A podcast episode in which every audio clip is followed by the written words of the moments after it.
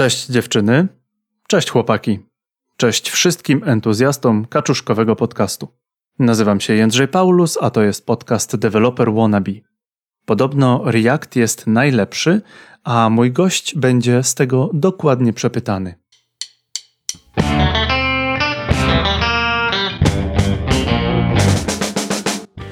Jestem stronnikiem Angulara. Może w tym przejawia się moje ostrożne podejście do nowinek, no ale koniec końców nie wydaje mi się, żeby React był aż taką nowinką. Być może po prostu nie wiem, że framework Facebooka to jest genialnie przemyślana technologia. Zgodnie z moim dlaczego dla podcastu zapraszam tutaj mądrych ludzi. Nagrywam rozmowy i wypuszczam je w tej audycji, aby każdy mógł się zainspirować do pracy, nauki czy na przykład biznesu. W tym podcaście omówimy to, co w Reakcie jest najciekawsze. Komponenty, server-side rendering, hosting, hooksy, wiele innych. Będzie też kilka pytań od słuchaczy. Jeśli jakiś fragment wyda Ci się szczególnie ciekawy, zapisz minutę i sekundę, gdy zaczyna się ten temat. Podaj mi te informacje przez Facebooka, Twittera, LinkedIna, na maila. Ja włączę ten fragment do biblioteki najciekawszych momentów podcastu, a Tobie podziękuję w nagraniu. Podaj ten podcast dalej. Udostępnij go na fejsie, Twitterze, opowiedz kumpeli, kumplowi, którzy uczą się Reacta. Jeśli używasz Apple, będziemy wdzięczni za 5 gwiazdek i fajną recenzję na iTunes. A jeśli jeszcze nie zasubskrybowałeś podcastu, to popatrz na apkę do podcastów na swoim telefonie, znajdź przycisk subskrypcji, obserwowania czy follow. Wtedy nie przegapisz żadnego odcinka, a więc klikaj i czekaj na następne odcinki. Same przyjdą na Twoją komórkę. A teraz zapraszam do podcastu z Patrykiem Omiotkiem o Reakcie. React jest najlepszy. Czyżby? I teraz wszyscy klaszczą. Teraz wszyscy klaszczą dla Patryka Omiotka. Dzień dobry. Dzień dobry, to jest Developer Wannabe podcast. Bardzo nam miło, że nas słuchacie, bardzo nam miło, że z nami jesteście. Mamy dzisiaj gorący temat. Ten gentleman, z którym będziemy rozmawiać, ma na imię Patryk, na nazwisko Omiotek. Jest to człowiek z dużym doświadczeniem. Frontendowym czy backendowym? Czy jesteś full stackiem? Mm, mogę powiedzieć o sobie, że jestem full stackiem, bo różne role w sumie mam w projektach i, i frontendowe, mm. i backendowe. A ostatnio bardziej trochę tego frontendu na przestrzeni kilku lat. Kiedyś mm. tylko backend, teraz można powiedzieć, że e, po paru latach był frontend tylko, ale jakoś wróciłem do jednego i do drugiego, także może być full stack. No to trochę takie filozoficzne pytanie. Ile lat trzeba, żeby zostać full stackiem? E, Słyszałem, że trzy miesiące. Tak, tak. Trzy miesiące to jest w sumie e, dobry okres, żeby o tym sobie pomyśleć. E, mhm. Ile czasu to zajmie. Natomiast no ja, ja bym się nie, nie chciał jakichś takich ram czasowych trzymać z tego. Nie można mówić, to zależy. Nie można. Znaczy, to, to jest oczywiście najlepsza odpowiedź na wszelkiego rodzaju pytanie. E, więc strasznie bym musiał się teraz powtarzać i, i to zależy w każdym momencie. E, natomiast ja może trochę inaczej e, odpowiem na to pytanie, bo, mhm. bo ono się często nawet pojawia z, z osobami, z którymi rozmawiam. To, żeby w ogóle zostać full stackiem, trzeba mieć przynajmniej dwie rzeczy opanowane, prawda? Który, który, któryś język backendowy i technologie backendowe mieć E, dobrze panowane, no, no, no, no i frontend. I e, mhm. często się zdarza tak, że osoby jak zaczynają sobie to miksować, e, to ta jakaś ścieżka nauki i rozwoju często super sobie nie idzie, więc ja raczej rekomenduję, żeby się skupić po prostu na jednym, a jak się będzie na poziomie już takim fajnym, to wtedy można pomyśleć trochę o tej, o tej drugiej stronie mocy.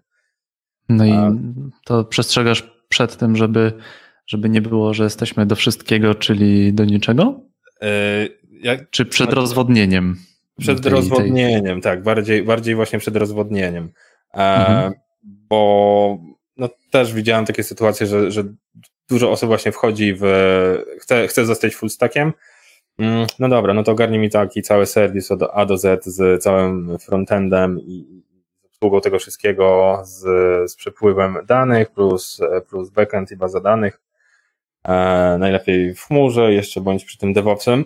I nagle się okazuje, że ten cały taki zbiór kompetencji może się po prostu okazać niewystarczający, także żeby faktycznie być takim, żeby móc się nazywać tym full stackiem, to trzeba trochę projektów takich komercyjnych zrealizować. I trochę milionów linii kodu też, tak? Najlepiej by było ćwiczyć na kodzie Mhm, i na mhm. projektach. Swoją drogą, podcast z Romanem, z Hello Romanem, sorry tutaj, ale dro, drodzy, drodzy słuchacze, podcast z Hello Romanem, poprzedni podcast, który, który można było posłuchać, tam Roman daje ciekawy, ciekawy pomysł na to, jak, jeśli jesteś juniorem, jak mógłbyś na przykład zdobyć trochę doświadczenia. Sorry za chamską reklamę w twoim podcaście, ale jesteśmy Developer Wannabe i podcast się nazywa Developer Wannabe i będę powtarzał to do znudzenia. Do podcastu. Ja wierzę, że musimy się roz, jako deweloper wannabe musimy się rozwijać. Więc dlatego do podcastu zapraszam mądre głowy postaci Patryka Omiotka. Zadaję mu pytania, najbardziej choćby lamerskie pytania, takie podstawowe pytania. I tę rozmowę nagrywam. Po czym po pewnym czasie wypuszczam w postaci podcastu, aby każdy mógł się zainspirować do kombinowania, do nauki, do myślenia, do tego, żeby ulepszyć swój warsztat. I to jest moje dlaczego dla podcastu. I powiem Ci, że coraz półtora roku nadaję, coraz lepiej to wychodzi, bo zaczyna to wracać. I kilka osób już mi powiedziało, że no, tam, te, tak, słyszałem, ten podcast coś zrobił. I wiesz, i od tego podcastu się tam zaczęło coś. Więc y, Patryku, y, miło mi, że tutaj jesteś. Mi również Fajnie, miło. że pogadamy. Będziemy nawijać dzisiaj o Reakcie, bo podobno React jest najlepszy. E, tak mówią e, starzy górale i nie tylko. E, trochę, trochę, trochę to stwierdzenie, przyznam się, jest kontrowersyjne, bo na pewno tu będą e, i, i zwolennicy Reacta, e, jak i przeciwnicy Reacta. E, ciężko tutaj zawsze ich we dwóch te grupy jakoś pogodzić. No, Mhm. z, mojej, z mojej perspektywy React jest faktycznie najlepszym rozwiązaniem e, na rynku, jeżeli chodzi o, o pracę frontend dewelopera. E, Oczywiście ja mówię to z, jako osoba, która już jakieś doświadczenie komercyjne ma w JavaScriptie, ale kompletnie tutaj nie będę się upierał, że React jest e, najlepszy i tylko z tego musimy korzystać. E, Po prostu akurat w projektach, które ja realizuję od czterech lat, e, najbardziej mi się sprawdzał, bo mm, cztery, cztery i pół roku temu bodajże e, zaczynałem trochę przygodę z Angularem i akurat Mhm. ja jestem z tej grupy osób, co Angular mi nie podszedł do końca, natomiast, natomiast React tak, React początek był bardzo taki dziwny, nawet bym Mhm. powiedział, że pra, prawie, e, prawie sobie darowałem tego Reacta, bo mm, jak wcześniej byłem backendowcem, e, potem e, zrobiłem pierwszy projekt na Angularze, dość taki spory, to był projekt zespołowy i React dopiero zaczynał się robić popularny. Mm, I Popularny, tutaj ci wejdę w słowo, przepraszam. Popularny czy fajny, czy tak dopracowany, tak faj, fajny, e, e, właściwie tak, zaczął być ten taki, atrakcyjny z punktu widzenia doświadczonego programisty. E, Fajny, nie do końca nawet, bo Mhm. wtedy te cztery lata z hakiem to on był bardziej taki, o, kolej, kolejna, e, kolejna JavaScriptowa bibli- biblioteka, którą może warto poznać. E, Mhm. No więc, więc z chłopakami akurat wtedy byliśmy po jednym projekcie no i stwierdziliśmy, dobra, to bierzemy, bierzemy sobie Reacta na warsztat, patrzymy co tam jest, e, zobaczymy, czy będzie nam się fajnie z tego korzystało. E, No i pierwsze wrażenie właśnie było, nawiązując do mojej pracy jako backend developer i jako osoba, która wcześniej parę linijek w tym Angularze napisała, to pierwsze wrażenie było takie, łomatko, co to jest? WTF? WTF, dlaczego jak wcześniej wszyscy starają się e, rozbić e, logikę aplikacji od, e, od tego widoku, to tutaj w Reakcie ktoś stwierdził, że znowu to łączy i robi z tego komponent i tam mam i w ogóle JavaScript i, i HTML i jeszcze tam CSS-a mogę wrzucić. Więc pierwsze wrażenie jak najbardziej było WTF. Natomiast mieliśmy akurat wtedy trochę, trochę czasu z, z kolegami, bo byliśmy akurat na tak zwanej ławce, e, czyli to była przerwa między, e, między projektami, więc mieliśmy tam powiedzmy z miesiąc czasu i stwierdziliśmy, no dobra, no może tak do końca nie będziemy rezygnowali. Tym bardziej, że e, osoby, które za Reactem stoją, no to są dość doświadczeni programiści z dużym z dużą wiedzą e, i stwierdziliśmy, że chyba jakiegoś, e, wtedy tak dosłownie myśleliśmy, chyba jakiegoś sypu nie wypuścili, tak? I nie dają innym ludziom, tym bardziej, że to się robi jakieś fajnie popularne. Więc tak, pierwsze wrażenie było nie. Natomiast po jakimś tam paru dniach, paru mm, tygodniach mm, pisania, mm, to było tak, no chyba damy szansę temu projektowi. Damy szansę projektowi napisanemu w Reakcie no, akurat e, zrobiliśmy jakąś taką aplikację do zamówień e, w pracy, jakiś lunchy, coś musieliśmy napisać, e, a potem przyszedł klient, który na szybko potrzebował jakiejś aplikacji, bo spieszyło mu się, żeby przed swoimi klientami przedstawić prototyp. No to my, znając naszą nową zabawkę, stwierdziliśmy, to jest świetny moment, żeby te skille wykorzystać, które już mamy i sprawdzić tak w wersji prawie produkcyjnej, czy czy ten React się sprawdzi. E, no i dużo szybciej jednak nam się wtedy już pisało po paru właściwie dwóch tygodniach jakieś tam nauki tego mhm. Reacta. Mm, akurat dużo szybciej nam się tą aplikację e, stworzyło niż, niż, niż w Angularze. Jakoś tak przyjemniej, ale to też była taka specyfika, że musimy, musimy stworzyć prototyp właściwie aplikacji. Na zasadzie, że ona musi wyglądać, tam muszą być jakieś interakcje podstawowe, E, ale mhm. głównym zadaniem było to, żeby szybko w przeciągu dwóch tygodni zrobić takie demko i to demko nasz klient e, ma zanieść do swoich inwestorów, pokazać, e, sprzedać ten swój pomysł. No i, no i to zaskoczyło. No i potem tą aplikację właściwie ciągnęliśmy dwa lata. Ja, ja ciągnąłem dwa lata, a mhm. koledzy dalej jeszcze tę aplikację rozwijają do dzisiaj. Tak, czyli Wciąż w Reakcie. Wciąż w Reakcie. Nieźle. To było dobrych kilka lat temu, z tego co rozumiem. Mhm. Jak bardzo zmienił się React? Czy to się. Czy React na, już na, na początku tak naprawdę był ok, a potem był tylko lepszy? Mhm. Pomijamy te dwa tygodnie, gdzie było takie. Co to jest? Tak, tak. E, ja od początku podchodziłem e, do tego, że to jest coś, z czego ja prawdopodobnie przestanę korzystać za, nie wiem, rok, półtora. No bo tak szybko ten, e, powiedzmy, rynek frontendowy różnych aplikacji się zmienia. E, szybko wychodzą nowe jakieś rozwiązania, nowe, no, nowe biblioteki. Okazało się, że nie do końca tak się stało, że mamy właściwie Angulara, Reacta i, i tych takich graczy mających dojrzałe rozwiązania produkcyjne. E, I okej, okay, więc w ogóle to, że zostałem w Reakcie, to mnie trochę zaskoczyło, że nie przeskoczyłem na, na, na kolejną jakoś e, fancy bibliotekę, e, ale to, co się w samym Reakcie zmieniło, to z kolei nie aż tak dużo. Mianowicie bardziej to były usprawnienia w ciągu tych czterech lat, usprawnienia dla deweloperów, przyspieszenie, mm, przyspieszenie działania aplikacji, prowadzenie mm, nowych możliwości, dzięki którym można ten kod szybciej pisać, e, czyli bardziej nastawienie trochę, trochę takie funkcyjne teraz jest właśnie dzięki, dzięki hookom niż, niż klasowe. I no właściwie przebudowano też trochę cykle życia komponentów. Natomiast mhm. od strony programisty mm, ten cały taki kod i całe API, z którego się korzysta, e, to jakoś super się nie zmieniło, szczerze mówiąc. E, mhm.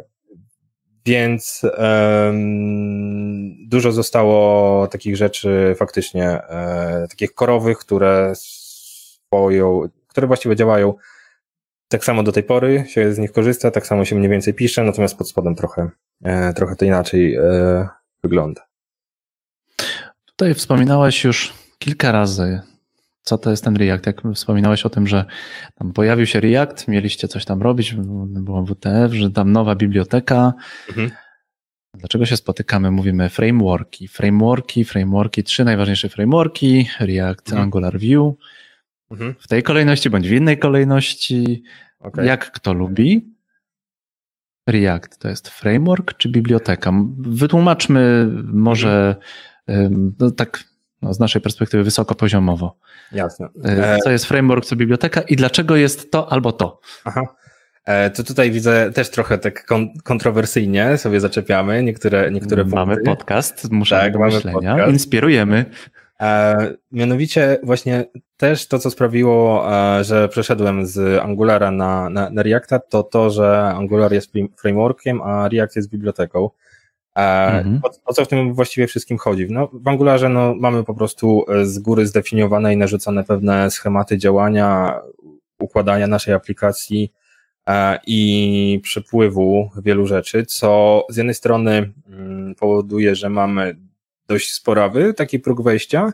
Natomiast potem, jak się to wszystko opanuje, no to te aplikacje się pisze w miarę, e, w miarę sprawnie. Tylko gdy już przychodzi taki moment, że chcemy coś bardziej tak customowo napisać, bardziej e, nasz projekt się okazuje, że e, nie znajdziemy tam rozwiązania pod ten problem na Stack Overflow, no to się może w frameworkach pojawić pewien zgrzyt i, i płacz, Natomiast ja jakoś zawsze wolałem takie rozwiązania, mm, które dają mi więcej swobody i e, więcej jakby ode mnie wymagają e, czasu i, i skupienia na przygotowanie odpowiednio projektu, e, na zaprojektowanie sobie odpowiedniego przepływu danych, odpowiedniej struktury właśnie plików czy katalogu, bo jako takiej właściwie w Reakcie nie ma. Podejść do tego jest, jest właściwie mnóstwo.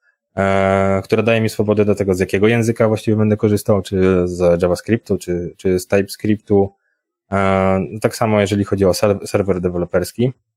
E, mhm. Więc to takie trochę bardziej osobiste jest dla mnie.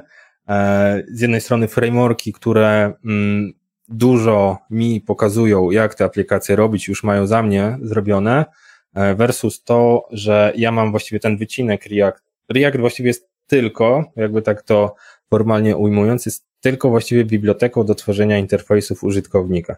Czyli za pomocą samego Reacta my możemy zrobić e, elementy na ekranie, namalować te elementy, pokazać je, ukryć, e, zrobić jakąś listę e, i właściwie tyle, jeżeli chodzi, tak w dużym powiedzmy skrócie. Natomiast te wszystkie klocki, które sobie dobierzemy do, do naszej aplikacji, która wykorzystuje Reacta, no to to już jest takie, to jest trochę takie główkowanie i to jest fajne, bo ten cały ekosystem jest mega rozwinięty i tam jest dużo fajnych rozwiązań właściwie do wszystkiego, także e, ja akurat też lubię takie rozwiązania, które nie mówią mi od razu, jak mam żyć, tylko tą ścieżkę chcę sobie trochę samemu potestować i dobrać te rzeczy, z których mi się dobrze korzysta. Ja tutaj, tutaj trochę widzę, że nasza, nasza rozmowa ma jakieś taki, takie, takie podszyta jest lekko taką poezją, takim e, idę tam, gdzie idę, idę, idę tam, gdzie idę, jakbym powie, jakby to powiedział Kazik, no nie, nie idę, nie idę, gdzie nie idę, może, może coś takiego, bo tutaj wychodzi, że, że lubisz, cenisz niezależność, to trochę jest takie no, dosyć poetyczne. W, w kodzie również. Czy możemy założyć, że wytłumaczyliśmy framework biblioteka? Z mojej perspektywy tak. Natomiast jeżeli ktoś ma jeszcze jakieś do tego pytania, to śmiało, śmiało piszcie w e, komentarzach. Mhm. Okej, okay. framework biblioteka i to teraz takie, takie dosyć, dosyć e, lamerskie pytanie. Dużo osób, które uczy się JS-ów, uczy się JS-ów i ma parcie od razu na framework. Mhm. I to jest tak prawie, że po tym tygodniu nauczenia się, uczenia się JS-ów wskakują na, e, na, chcą od razu frameworka. Już wiemy, że nie jest to dobre rozwiązanie i będziemy też o tym przypominać, że warto się nauczyć e, od razu, od razu, e, najpierw, najpierw warto się nauczyć dobrze JS-a, a dopiero potem myśleć o, o frameworkach. Ale wskakiwać od razu na, e, na React, czy, czy jednak na Angulara, czy na Vue? E, moim, moim zdaniem na, na Reacta. E, nie, Mhm. nie mówię dlatego, że. Proszę, że go, proszę bronić. E, że najbardziej to jest, że to jest mój faworyt. Mhm. Natomiast po prostu łatwiej. Jak już, jak już po prostu ktoś musi i twierdzi, że to jest ten moment, że muszę przejść dalej, to, to po prostu React, no bo te- ta, ta krzywa, krzywa nóg jest po prostu e, le, le, lepsza. E, Jeżeli chodzi o React, no, no w Angularze dużo materiałów trzeba opanować, chociażby, mhm. no nie wiem, komunikacja z API, tak? E, Jak to prawidłowo przeprowadzić. Mhm. E, Także w, w Reakcie to na pewno to się zrobi dużo, dużo łatwiej i dużo szybciej. E, Minus od razu taki jest, że Mhm. e, takie osoby, mm, powiedzmy początkujące, szybciej te aplikacje napiszą, iż one szybciej będą działały. Natomiast prawdopodobnie mm, poziom tego kodu będzie nie do końca, em, delikatnie mówiąc, e, dobry, bo to jest właśnie z jednej strony plus bibliotek, że możesz szybko coś postawić. E, Minus jest taki, jak nie masz frameworka, tak? To robisz to na własną rękę. A jak nie masz doświadczenia, e, to e, no my też, jak ja i moi koledzy z zespołu, jak spojrzeliśmy na pierwsze nasze aplikacje Reactowe, to po prostu załamka była. Chryste panie, co ja robiłem? tak, dla, dlaczego ja to popełniłem?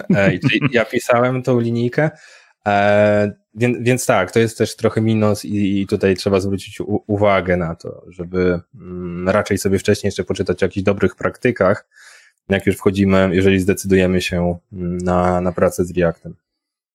Wiesz, jednym z pytań, które pojawiają się do, u mnie dosyć często po, po live'ach, po podcastach, jest to, czy mój kod jest ładny, czy mój kod jest dobry.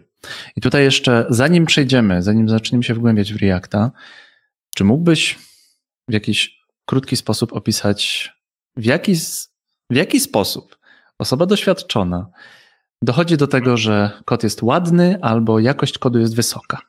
Mhm. Jak to się robi? Jak to się robi? To jest po prostu patrzysz i widzisz, i wiesz, i czujesz. No ale to może być od mi się. Nie, no jasne. E, ja, ja tak mówię, bo, bo, bo faktycznie niektóre, niektóre fragmenty kodu na, na, na pierwszy po prostu e, taki, taki feeling można wyczuć, że tam jest dużo rozwalone, są e, zna, znaczy od, odstępy są za duże między fragmentami, złe tabulacje postawiane, takie po prostu pierdoły, które e, początkujący popełniają. E, Natomiast kolejna, kolejne jakieś takie kroki, na które się patrzy, no to chociażby zgodność z takim całym codebase'em e, projektu. Na zasadzie nie tylko sam kod się patrzy, ale też rozmieszczenie tych plików, dlaczego ktoś powiedzmy skorzystał z takich nazw oczywiście zmiennych czy funkcji, czy one są odpowiednio nazwane, czy mówią osobie, która nie wiem, za trzy miesiące sobie wejdzie do naszego projektu wystarczająco dużo, osobie, która nie wie e, nic o naszym projekcie, E, Czy ktoś nie przesadził z e, liczbą argumentów przekazywanych do funkcji? E, Czy testy są? E, Bo czasami ich tam brakuje. Mm, Mhm. e, I co więcej? E, Ogólnie stosowanie jakichś dobrych praktyk e, przy, przy pisaniu testów, czy, czy clean code'a nawet trochę można też wykorzystać we frontendzie, chociaż to jest e, nieco inny świat. Mówimy o książce I Clean. Code, czy? Tak jest, tak jest. Mhm. E, Więc e, ja, ja rekomenduję trochę właśnie też e, się zapoznać z clean code'em. Parę tam jest takich fajnych rzeczy, które można przenieść e, też do Java, e, świata JavaScriptowego. Mimo, że JavaScript to nie programowanie. Tak, E, gdzieś tak, tam to- kiedyś słyszałem. Tak, tak. E, JavaScript właściwie to taka skryptowa wersja Java, jak niektórzy e, Napisana na kacu i tak dalej, tak? backendowcy twierdzą. Tak, tak, tak. To powiedz nam, przejdźmy teraz już bardziej do, no zacznij zacznijmy się wgłębiać. Um, mówiłeś o komponentach. Mhm. Wspominałeś komponenty. Co to jest? Łopatologicznie proszę. Bez to zależy. Dobrze. No to, no to będzie trudne e, do końca tej rozmowy, ale okej, postaram się. E, jeżeli chcemy sobie zrobić e, jakiś element, na który chcemy wyświetlić na, w przeglądarce. I taki element będziemy prawdopodobnie, a chociaż nie musimy gdzieś powtarzali na tym ekranie, to warto się zastanowić. Kotka na przykład, tak? Chcemy przykład, wyświetlić. Na przykład taki, takiego kotka. Gdybyśmy chcieli wyświetlić kotka na ekranie, e, no to w zwykłym HTML-u musielibyśmy to zrobić na jakoś narysować, tak?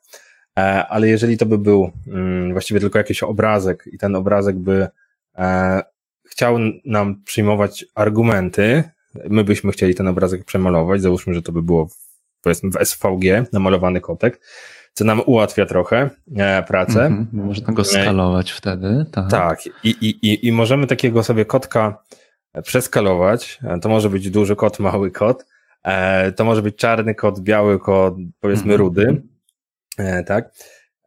I teraz zastanówmy się, skoro mamy taki jeden plik SVG, co zrobić, gdybyśmy chcieli takie trzy koty namalować na ekranie i potem jeszcze dwa koty, które jeden jest większy, drugi, drugi jest mniejszy.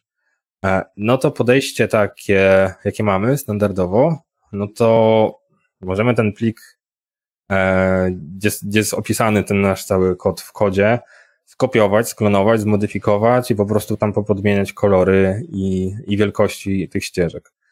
To mhm. jest rozwiązanie, mm, które nam zadziała. E, natomiast no już taki zapaszek troszkę zgnilizny się tutaj unosi, jak ja zaczynam o tym mówić. E, mianowicie no te, tego typu rozwiązanie to aż się prosi, żeby coś tutaj e, zautomatyzować. Mhm. Żeby, jak ja rozmawiam sobie o pięciu kotach, tak, gdzie one mają ze sobą wiele wspólnego, różnią się właściwie tylko jakimś kolorem i rozmiarem, E, to dlaczego sobie tutaj chociażby nie pomyśleć trochę, no zależy jak wolicie teraz pomyśleć, jako funkcja albo jako obiekt, e, z którego będę korzystał. I tylko na podstawie argumentów ja dostanę wynik trochę zmieniony, czyli jeżeli ja bym miał e, jedną funkcję i do tej funkcji przekazywał kolor tego kota, tak, to bym miał jedno miejsce, czyli jedno miejsce, które łatwo jest przetestować, które jest łatwo utrzymać i z którego łatwo korzystać w innych miejscach w, w kodzie.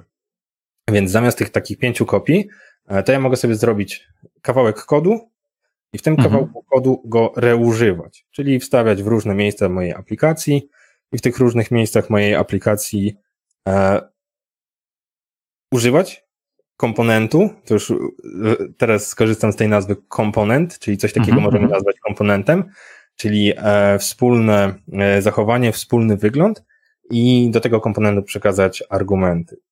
Mm, więc e, no, trochę inaczej już by to wyglądało, tak? Raz bym coś napisał e, i potem tylko modyfikował, e, modyfikował te argumenty. I przejdziemy może trochę dalej.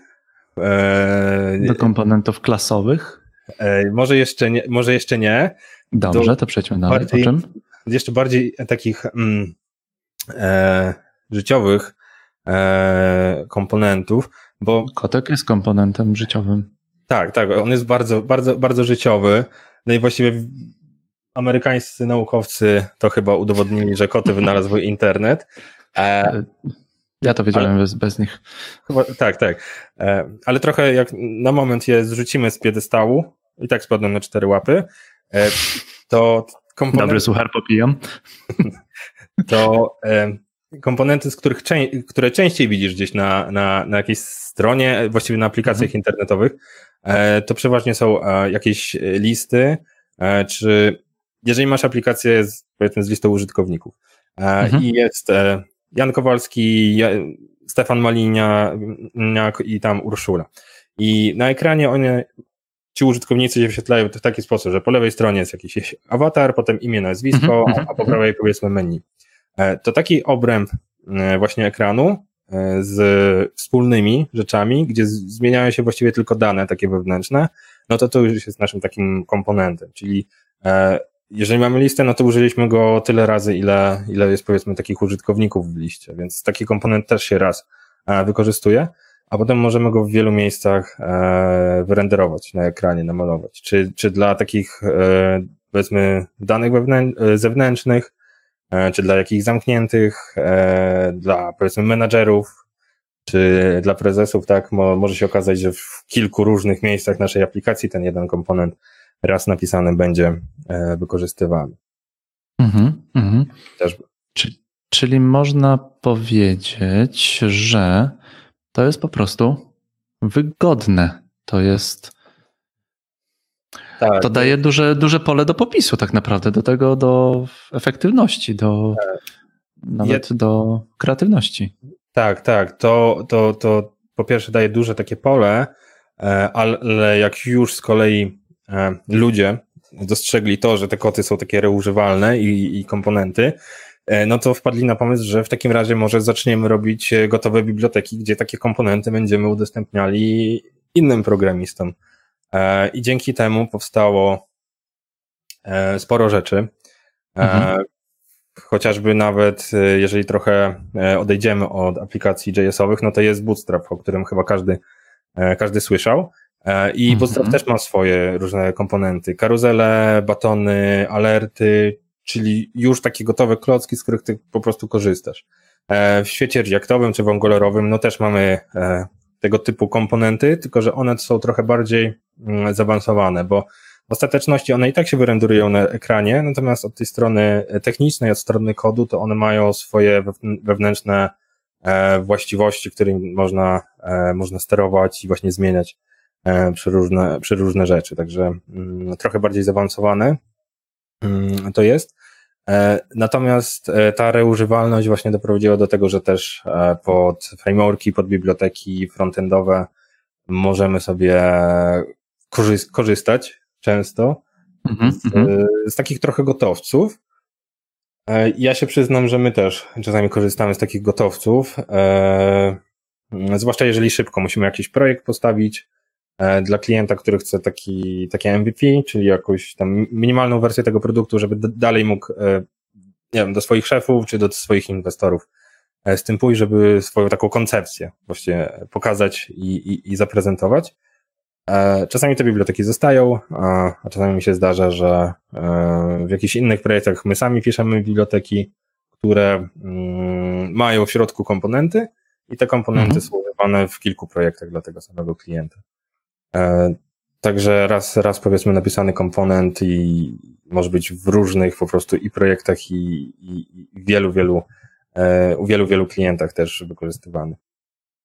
Mhm. To teraz musimy przejść do, do e, komponentów. Teraz musimy przejść do komponentów klasowych, funkcyjnych. To jest ten moment? Tak, myślę, że to jest ten, ten, ten moment.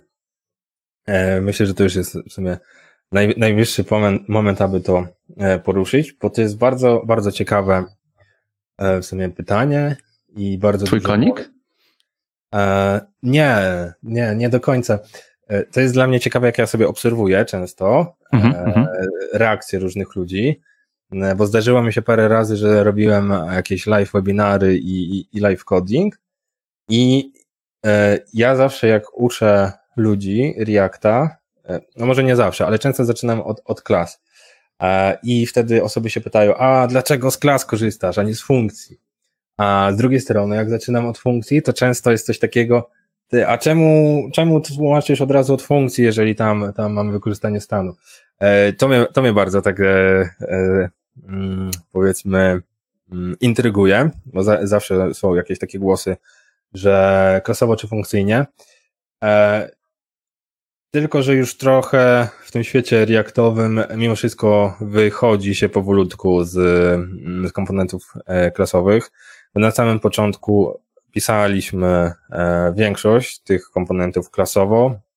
E, potem wyszły dobre praktyki mówiące o tym, że no komponenty, które właściwie nie potrzebują swojego stanu wewnętrznego, czyli powiedzmy w środku trzymają informacje o swoim kolorze czy czymkolwiek, no to żeby już unikać e, mimo wszystko pisania tego klasowego, no bo klasy w JavaScriptie i tak właściwie potem są przemielone, e, przetranspilowane do, e, do funkcji, także właściwie te, te klasy i tak w JavaScriptie są takim trochę dziwnym tworem dla niektórych i też jest taka specyfika tego języka, więc no, w tym momencie coraz, coraz więcej rozwiązań podchodzi do tego funkcyjnie. I ja mówię to o tym, e, ponieważ, e, ponieważ mm, teraz możemy wszystko w Reakcie funkcyjnie właściwie napisać, to czego się nie dało w wersji 16.8 zrobić, dlatego że wyszły te hooki znane mhm. trochę, które powodują dużo, dużo zamętu w internecie i ja po prostu chciałem uczulić osoby, które mm, chcą faktycznie w Reakcie pisać funkcyjnie, bo się da całą aplikację zaawansowaną napisać funkcyjnie. Jeżeli się na to decydują, to mimo wszystko niech sobie wcześniej po prostu e, zobaczą i sprawdzą, jak, e, jak to się robi e, klasowo.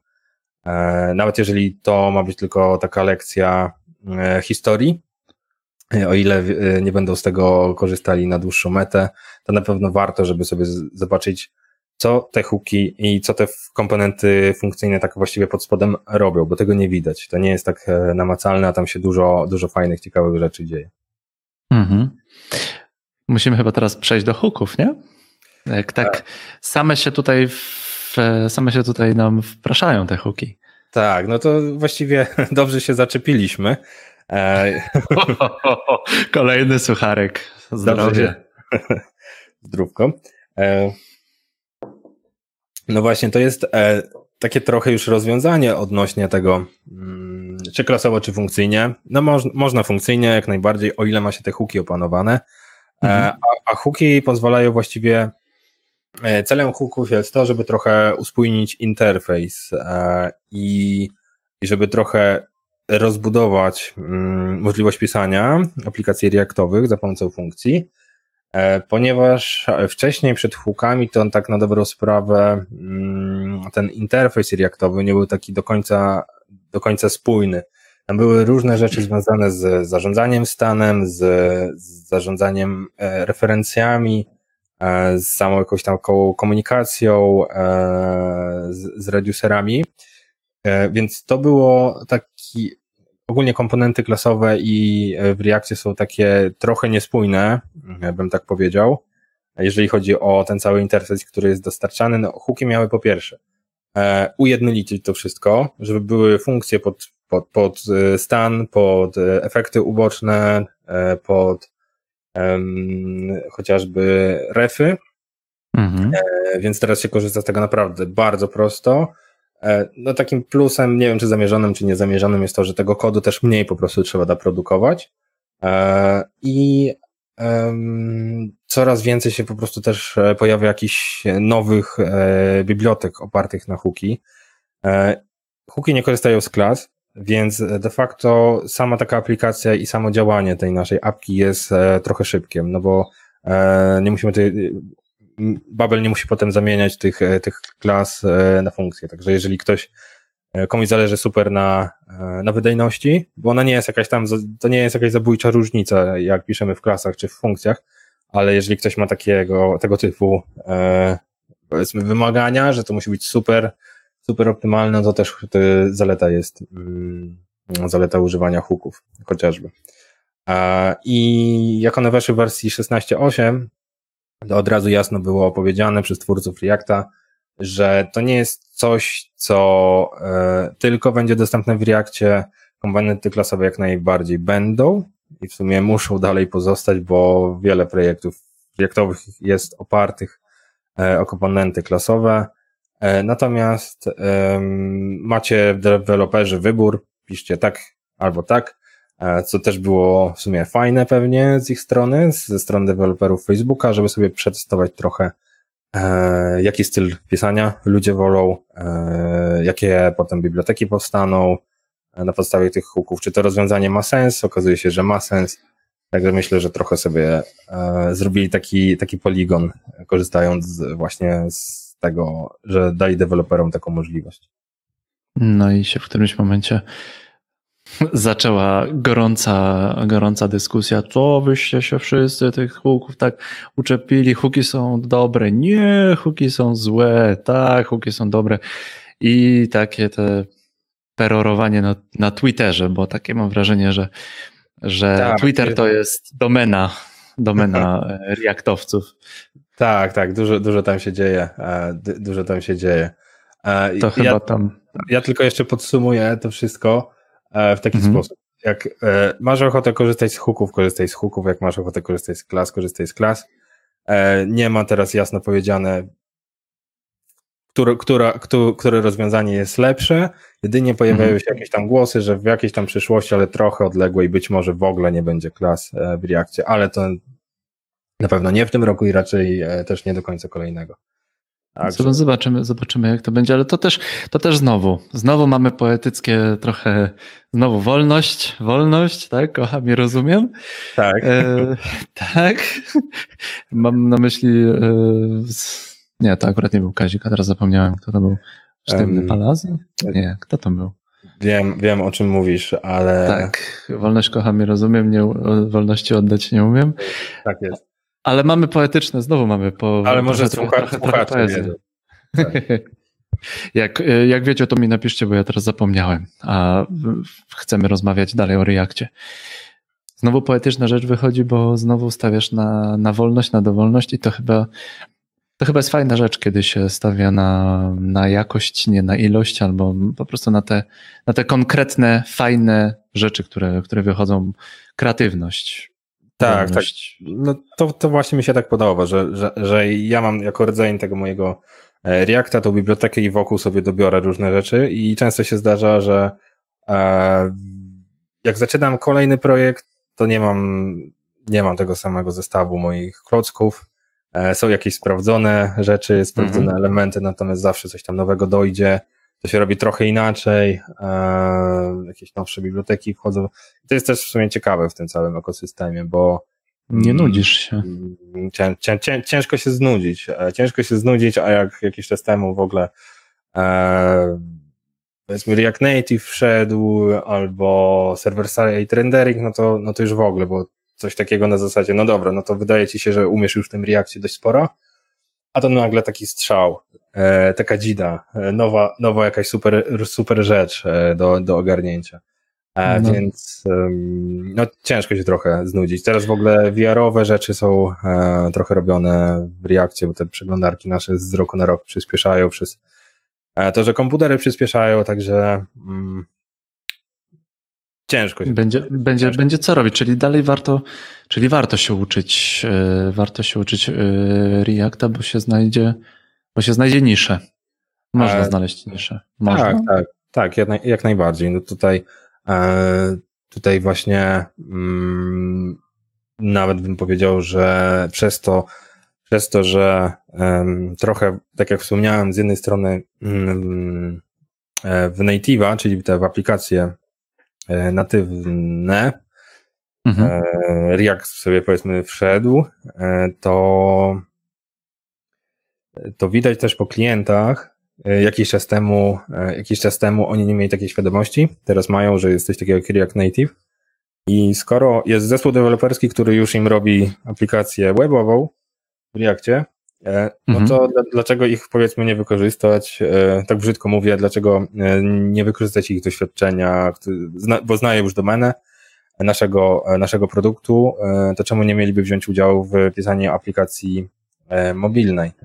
E, Mhm. Więc tutaj bym powiedział, że e, no faktycznie nawet może nie tyle co nisza, ale e, coraz szersze tak jakby możliwości mm, możliwości pisania tych aplikacji pod różne rzeczy są, bo jeszcze to tylko wspomnę, że Slack chociażby też kiedyś był napisany na Reactie. Nie wiem, jak to jest teraz, ale kiedyś był napisany na Reactie, bo potem e, przez e, tą aplikację Electron został przypuszczony, więc natywna, natywne aplikacje na systemy operacyjne można było tworzyć. To, to, to akurat nie jest tylko zaleta samego Reacta, ogólnie to, co się dzieje z tym światem e, javascriptowo-frontendowym, E, No ale server-side rendering chociażby z udziałem Reacta, gdzie, gdzie jest e, bardzo popularny Gatsby czy, e, czy Next.js, no to też pokazuje, mm, jak, jak to się właściwie niespodziewanie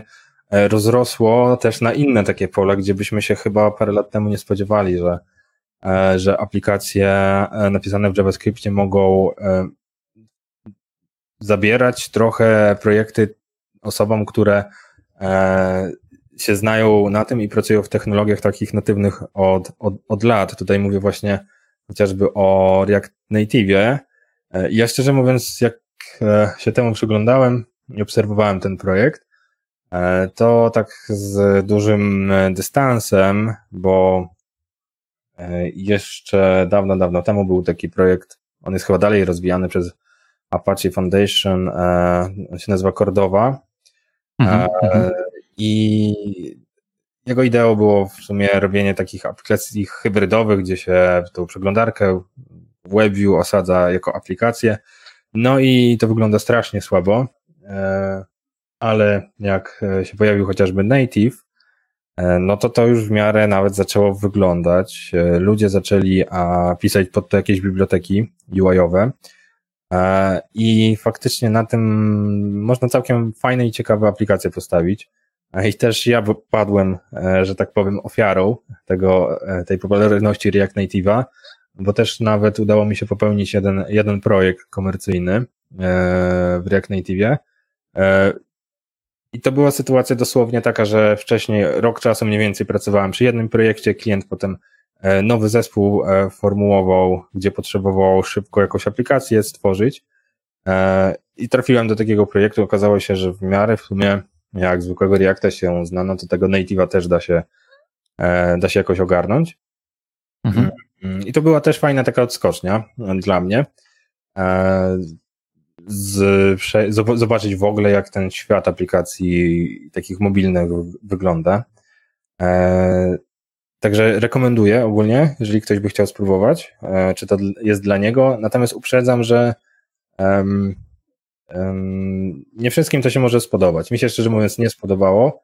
E, bo ja bardziej jestem przyzwyczajony akurat do takiego web developmentu, gdzie mam przeglądarkę, swoje narzędzia. E, dla mnie to była taka fajna odskocznia, natomiast niektóre osoby, które już weszły w Native'a, to, e, to często tam zostają i stwierdzają, dobra, no to ja robię teraz apki, apki na iOSa i na, na, na Androida. Do tego mm, gwoli ścisłości, może nawet proforma, musimy powiedzieć o, krótko o różnicy React Native i React. Mhm. Mm, tak, z grubsza można po prostu powiedzieć, że React jest bardziej na web, a React Native jest bardziej na, na mobilne. Dobrze tak, myślę?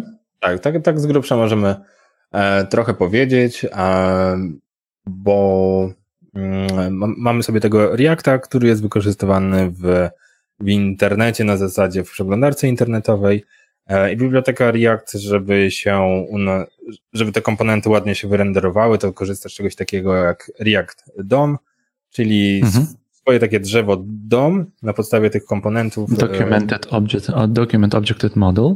Dokładnie, wrzucę w naszą przeglądarkę.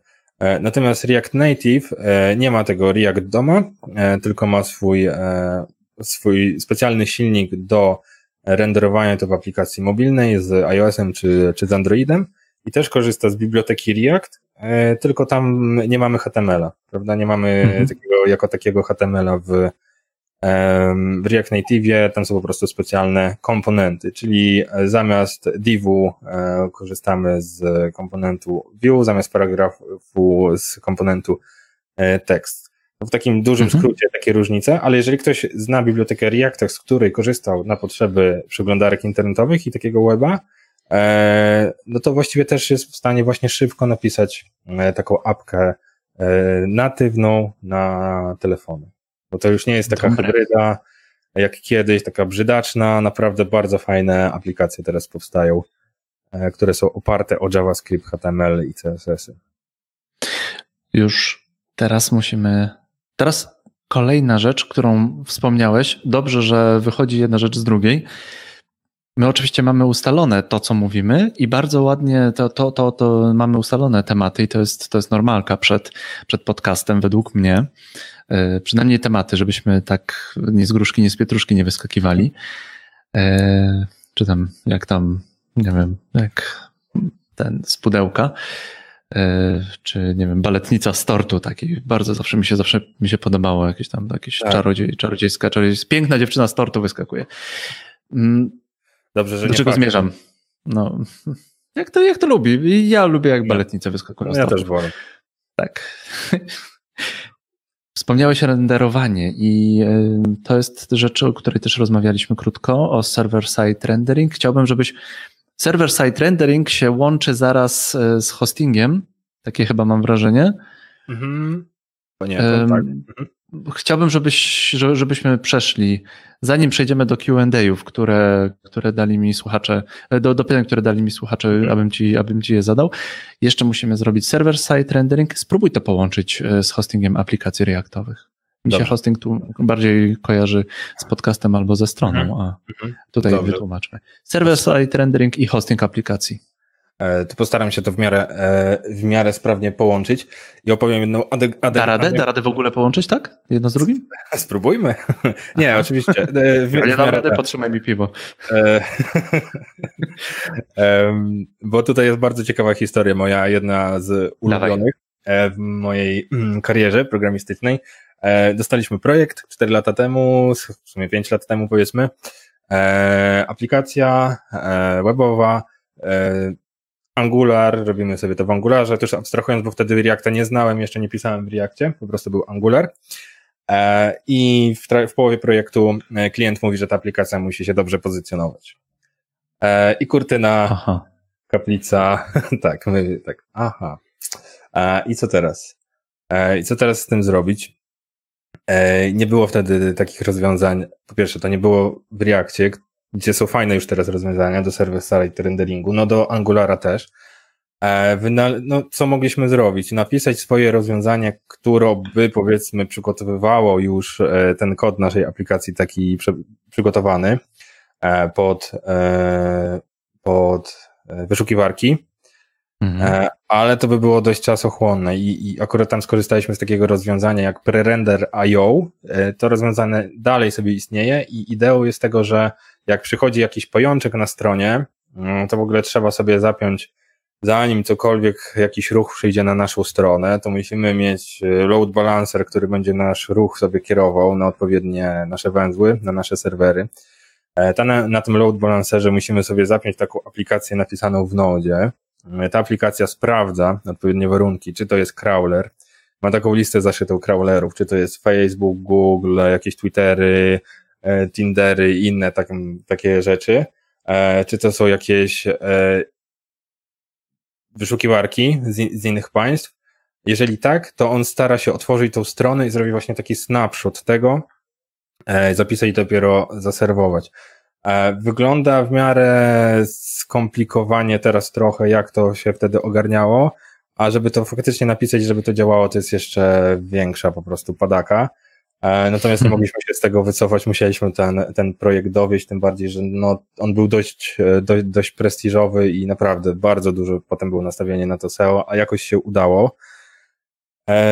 Tak to było w sumie 4 lata temu. Jeżeli chcieliśmy pisać w JavaScriptie i, i, i takiego ro- rozwiązania mieć, i to nasze rozwiązanie było w sumie jednym z takich e, niewielu właściwie na świecie, które przy takim ruchu, e, tak dużym ruchu e, było w stanie jeszcze e, dobrze SEO e, obsługiwać. Teraz na szczęście się to pozmieniało i, i jeżeli ktoś chce pisać w Reakcie, no to czy w Angularze i mieć SEO dobre, no to, to jest ok. E, I możemy przejść do tego server-side renderingu, czyli no- właściwie teraz my jako JavaScriptowcy, e, osoby, które nie chcą mieć do końca styczności z jakimś językiem backendowym i, i, i chcą głównie w JavaScriptie e, to robić, to już mamy gotowe te nasze klocki, e, które umożliwiają nam, żeby serwer, na którym nasza aplikacja sobie stoi, e, w zależności od tego, czy, czy ruch przyszedł właśnie z takiego e, crawlera, czy od użytkownika.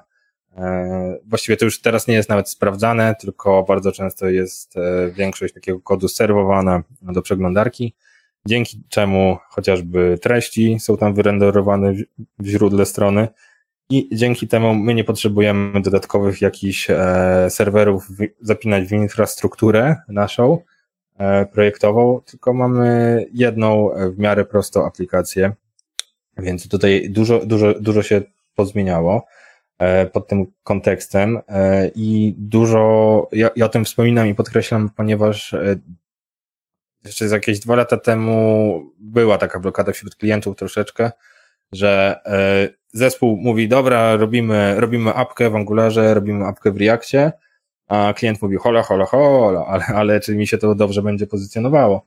E, no te dwa lata temu to jeszcze tak w miarę powiedzmy to fajnie zaczęło działać, natomiast trzy nie bardzo. Teraz mamy takie czasy, że w ogóle jako programiści nie musimy się za bardzo tym przejmować, czy, e, czy ta aplikacja będzie się dobrze pozycjonowała, e, czy też nie. Mhm. I tutaj chciałem nawiązać trochę do, do tego hostingu, więc e, mhm. nie mamy takich sytuacji, jak, jak my mieliśmy, że jakieś kilka różnych serwerów musimy sobie poustawiać, one są zależne od siebie tylko dlatego, żeby Google dostał dobry content z aplikacji JS-owej. Teraz wystarczy jakiś e, serwer. E, no właśnie, tutaj mamy trochę do wyboru. Czy to nasze SEO jest w ogóle istotne w naszym projekcie, bo często aplikacje napisane w JavaScriptie są bardziej mm, używane tak wewnętrznie, wewnątrz firmy, wewnątrz projektów. Więc tutaj musimy e, świadomie podjąć taką decyzję. Czy e, chcemy mieć dobre SEO, czy nam w ogóle na tym nie zależy? Jeżeli nam nie zależy, no to de facto te aplikacje i reactowe, i frontendowe po zbudowaniu e, mamy paczkę i możemy to umieścić na dowolnym, e, na jakimś dowolnym e, serwerze. To nie jest w sumie, tutaj, tu nie ma żadnego rocket science. Wszystko, co nam jest w stanie pliki statyczne mm, serwować. Natomiast, e, no, gdybyśmy ten server-side rendering chcieli e, ogarniać, no to już trzeba się zastanowić nad jakimś hostingiem, który ma Node.jsa. Tutaj chociażby, no też zależy, jaką aplikację mm, popełniliśmy. Jeżeli sami wszystko od nowa pisaliśmy, mniej więcej to jakieś Heroku może być, a, a jeżeli to jesteś oparte powiedzmy o, o Nexta, to może być No, czy no, no w dzisiejszych czasach tych takich platform pod hosting Node.js jest po prostu cała, ca, cała masa. E, I na pewno nie zachęcam osoby, które początkują, żeby na AWS-ie to hostować, bo AWS jest ogólnie super, ale, e, ale dość drogi pod takie apki. A jak się w AWS-ie coś źle skonfiguruje, to tam e, może zaboleć, jak ściągną z karty. No, Amazon ogólnie jest znany z tego, że teraz już jest oczywiście wierzy w ludzkość, pomaga ludzkości, ale najchętniej by wszystkie pieniądze tej ludzkości wziął. Takie mam, ta, takie, takie mam też wrażenie trochę. Mhm, tak. Znaczy, ja, ja ogólnie bardzo lubię e, AWS-a mhm. E, i bardzo dużo tam mam proje mamy projektów, ale jest to porząd, porząd, tak, jest to porządnie, porządnie zrobiony E, zrobiony produkt, który zarabia i wie, jak zarabiać. Również tak używam. Tak, tak. Dokładnie. tak. Mamy jeszcze kilka pytań. E, muszę się przyznać, że przed tym, jak zaczęliśmy kminić, jak możemy, jak możemy porozmawiać, o czym możemy porozmawiać. No oczywiście, że o Reakcie, ale przeciągnąłem ten temat przez kilka grup na Discordzie i mówię, słuchajcie, ten facet, co zrobił szkołę Reacta, będę z nim rozmawiał. Co byście chcieli, drodzy słuchacze, drodzy Discordowcy, drodzy ludzie, drodzy wszyscy, co byście chcieli usłyszeć od Patryka? No i mam cztery pytania dla ciebie. Mm, trochę śmiał. natury. Y, nie, to było, to było kilka, kilkanaście tak naprawdę pytań, po prostu się powtarzały w większości. Mhm. Powtarzały się pytania o bibliotekę. O to, jakie Patryk używa biblioteki i jakie mhm. są według niego najczęściej używane biblioteki Reacta. Może inaczej, najczęściej używane biblioteki do Reacta według gościa, albo których sam używasz. Okej, okay, dobra, to, to, nie wiem, czy tak wy, wy, wymienię e, z głowy wszystkie. To Pierwsze, tak. co ci do głowy przychodzi.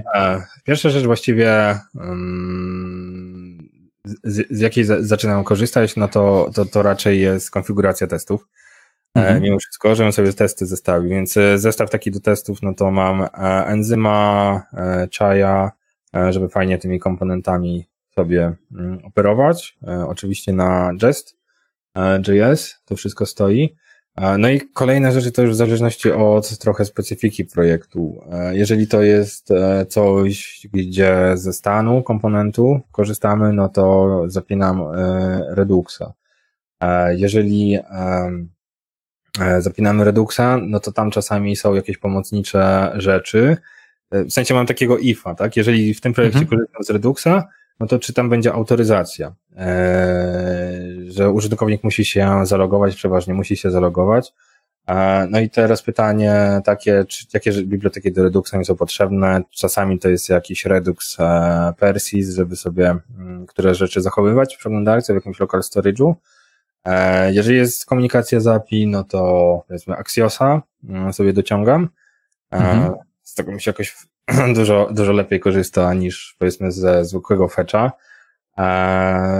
A natomiast pozostałe to bardziej idą tak wedle trochę e, potrzeb w projekcie, bo mm, na pewno nie pobieram i staram się e, jak najdłużej odroczyć taki moment wyboru, ewentualnego wyboru biblioteki do komponentów, jeżeli musiałbym korzystać bo my akurat bardzo często dostajemy dość takiej specyficznej UI do wykonania i ta biblioteka żadna nie jest potrzebna, na zasadzie jakiś tam e, material bootstrap, czy material UI, czy, czy coś w tym stylu. E, mhm. Chyba, że właśnie na potrzeby MVP. E, więc skorzystamy może czasami z tego gotowca, żeby potem to, e, to wyrzucić. E, natomiast pozostałe, mm, pozostałe jakieś takie przydatne biblioteki, no to czasami reselect e, do, do zarządzania stanem. Natomiast jako tako e, ja nie mam jakiegoś super dużego zbioru bibliotek, z, z, który, z którego powiedzmy korzystam. React Helmet często, jak coś tam pod SEO, muszą być dobre, dobrze tagi sfor, sfor, sformułowane. Formika do zarządzania formularzami. Nie mało takie... tego. Wydaje mi się, że raczej mało. Raczej mało, mhm. bo, bo ja wiem, że tych bibliotek można tam nastawiać jeszcze, jeszcze, jeszcze dużo, mhm. dużo. E, do wszystkiego co innego. E, natomiast to jest taki właśnie setup, który korzystam z niego, ale nie zawsze i nie wszędzie. E, tak jak wspomniałem. Ja wolę sobie dobrać akurat to, co w danym projekcie będzie. A jak to dobierasz? No załóżmy, że musisz coś tam walidować, nie wiem, musi być, e, musi być tworzenie profili. To wtedy po prostu co? E, wujek Google i jazda, czy, czy jest jakiś magiczny spis e, bibliotek reaktowych, w których jest napisane jak to, to, to? If this, then that. Wiesz co, to jest bardziej na takiej zasadzie, że um, jestem sobie w projekcie i mam już tam zrobione jakieś rozwiązania, i, i, I bardziej ja sobie coś takiego robię e, na boku, jak, jak wtedy mam e, jakieś konkretne zagadnienie, no i widzę, że ktoś, e, powiedzmy, na, chociażby na takim Stack Overflow sobie napisał, o, że jest taka super fajna biblioteka do tego do, i do tego, no to ja to, dobra, to może skorzystam z tego w, przy kolejnym jakimś podejściu, przetestuję przy kolejnym projekcie ale też nie do końca chcę po prostu przeładowywać tą aplikację i, mhm. i tam dociągać nie wiadomo ilu rzeczy, więc e, tylko w jakichś tam uzasadnionych właściwie przypadkach e, doinstalowuję e, nowe fragmenty. W takich przypadkach, jeżeli to mi jakoś masakrycznie skróci czas i, i, i po prostu wniesie jakieś no, nowe super feature'y, które normalnie by mi zajęły, nie wiem, pół roku na napisanie.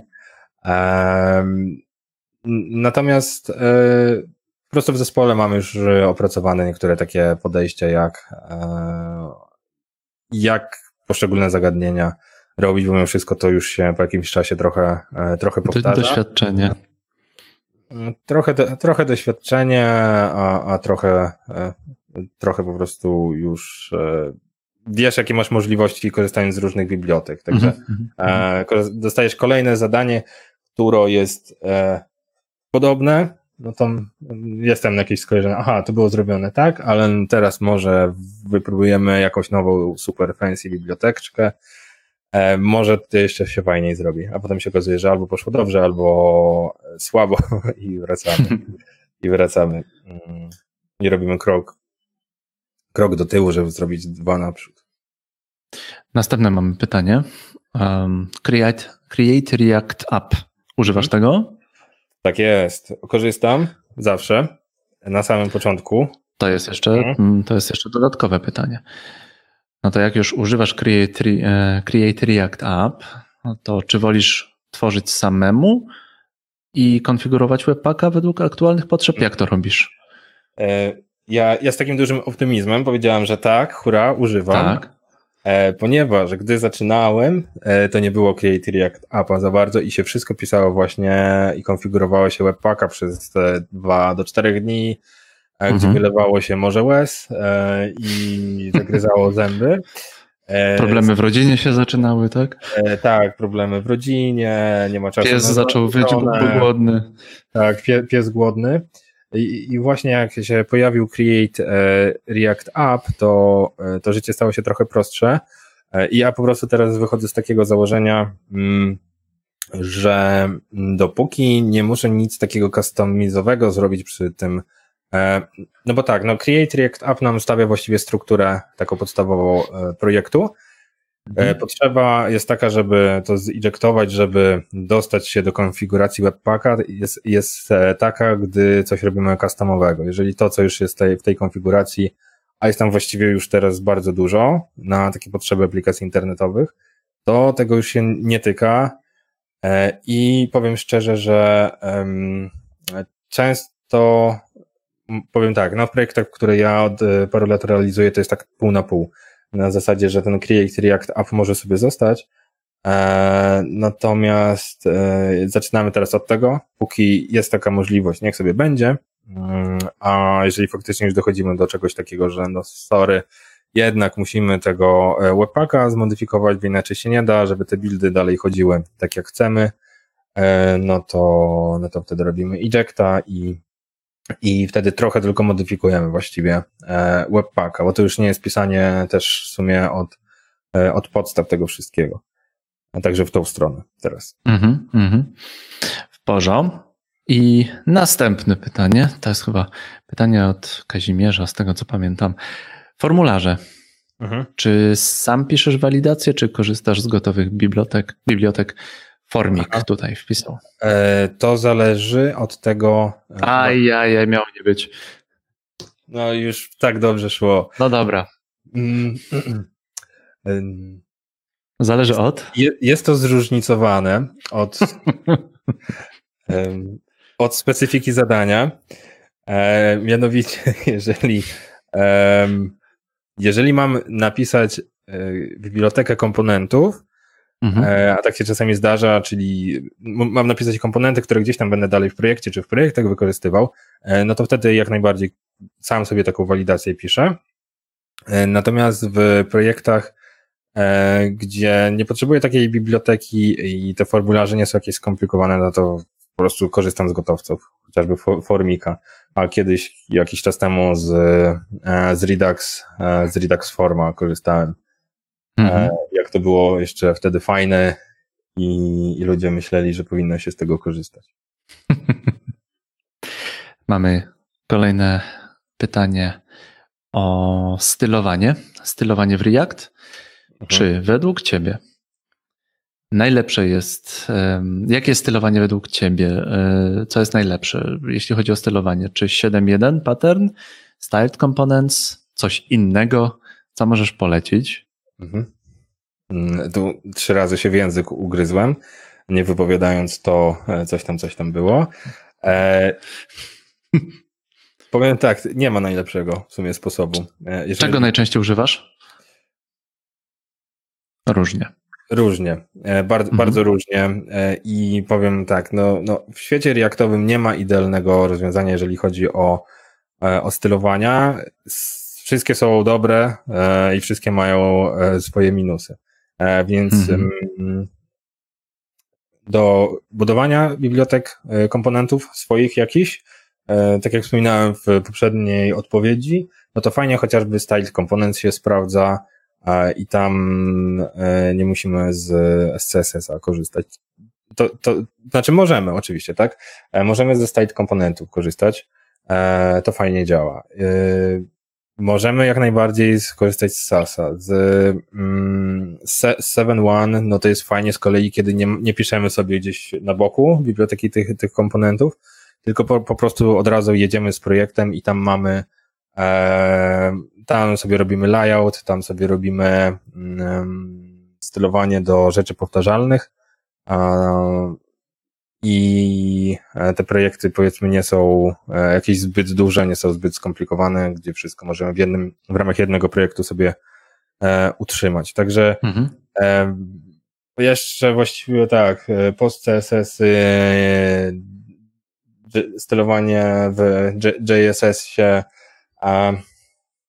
class name jest po prostu wszystko. To jest, to jest to, że jest tak e, ogromna e, swoboda i możliwość wyboru, natomiast świadomie mówię, że nie ma, nie ma czegoś takiego jak najlepszy sposób na podejście do stylowania aplikacji w Reactie. Każdy musi sobie wyczuć i to jest u, u, mocno powiązane ze specyfiką projektu.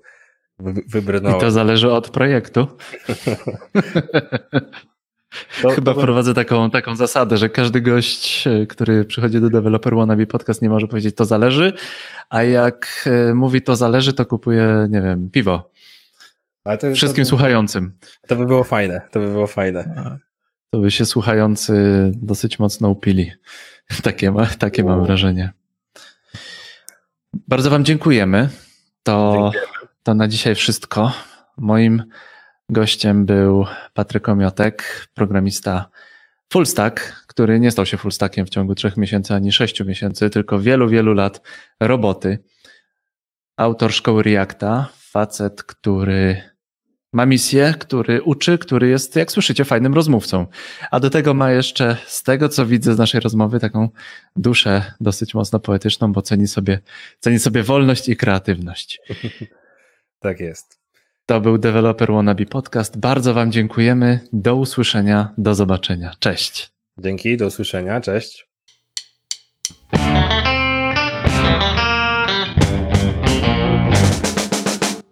Dziękujemy za Twój czas i za Twoje uszy. Jak zawsze zachęcam do podzielenia się tym podcastem z Twoim kolegą, z Twoją koleżanką, z osobami, które uczą się programowania albo chciałyby się zabrać za to programowanie.